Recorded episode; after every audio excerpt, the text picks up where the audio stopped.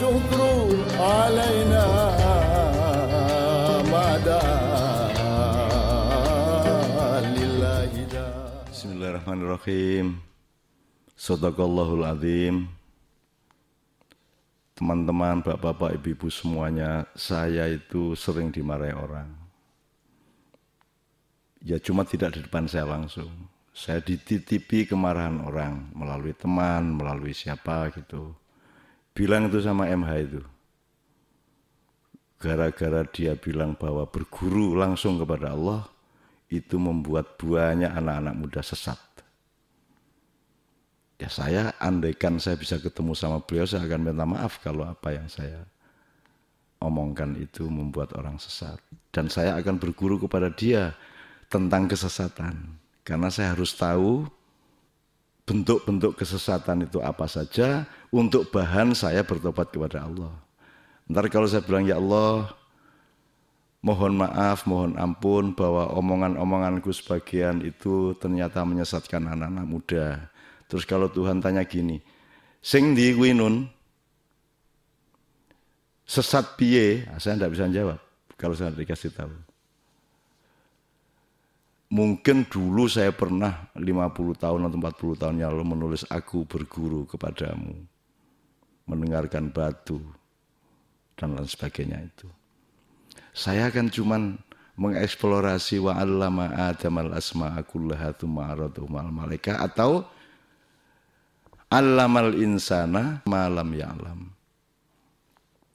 Allah mengajarkan kepada manusia apa yang dia belum tahu. Mungkin langsung, mungkin melalui asisten-asistennya yaitu para malaikat. Tapi kan jelas allamal insana malam ya'lam. Lu apa bisa kita berguru langsung sama Allah? Nah kalau kita itu tukang beca. Terus sampai sore ndak ada yang naik. Ndak ada yang naik becak kita sehingga kita bisa pulang dengan pendapatan untuk anak istri kita.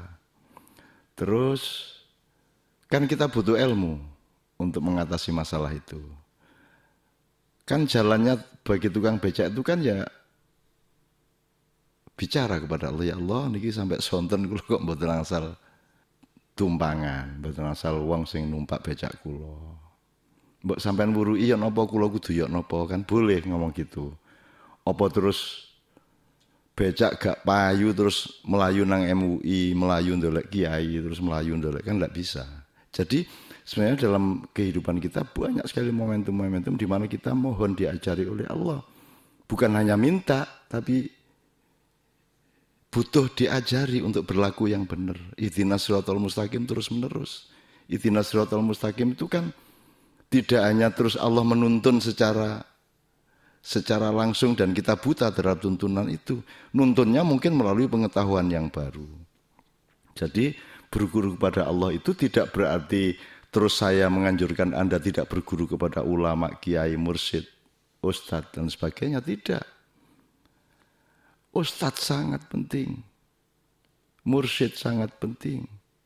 Kiai sangat penting. Ulama sangat penting. Tapi mereka bukan Allah. Mereka bukan Rasulullah. Dan mereka tidak bisa terus-menerus mengawal kita. Kita hanya ketemu mursyid mungkin seminggu sekali. Kita ketemu ustadz mungkin sebulan sekali. Kita ketemu kiai Mungkin setengah tahun sekali, tiga bulan sekali. Mereka tidak terus-menerus mengawal kita. Yang terus-menerus berada di dalam hidup kita, mengawal kita, mengiringi kita, dan berjalan bersama kita adalah Allah Subhanahu wa Ta'ala. Kalau engkau sendirian, aku yang kedua, kata Allah. Kalau engkau berdua, aku yang ketiga. Kalau kau berempat, aku yang kelima. Allah selalu bersama kita. Dan kesadaran tentang Rasulullah juga selalu bersama kita. Jadi mohon diakuilah hak-hak setiap orang untuk berada bersama Allah dan Rasulullah setiap detik. Karena yang lain tidak mungkin mengawal kita 24 jam sehari. Dan di dalam keberiringan dan kebersamaan kita dengan Allah dan Rasulullah itu Mosok nggak boleh kita minta diajari. Itu loh. Jadi saya mengatakan belajar langsung kepada Allah itu tidak berarti yang selain Allah kita negasikan. Kita belajar kepada siapa aja, jangankan kiai, kepada maling pun kita belajar, kepada orang yang lebih bodoh pun kita belajar, kepada orang yang buruk pun kita belajar. Ilmu itu begitu luasnya sehingga jangan menyangka orang pandai yang bisa mengajar orang bodoh. Bahkan orang bodoh itu mengandung ilmu-ilmu tikungan-tikungan pengetahuan yang bisa melebihi orang-orang pandai. Assalamualaikum warahmatullahi wabarakatuh.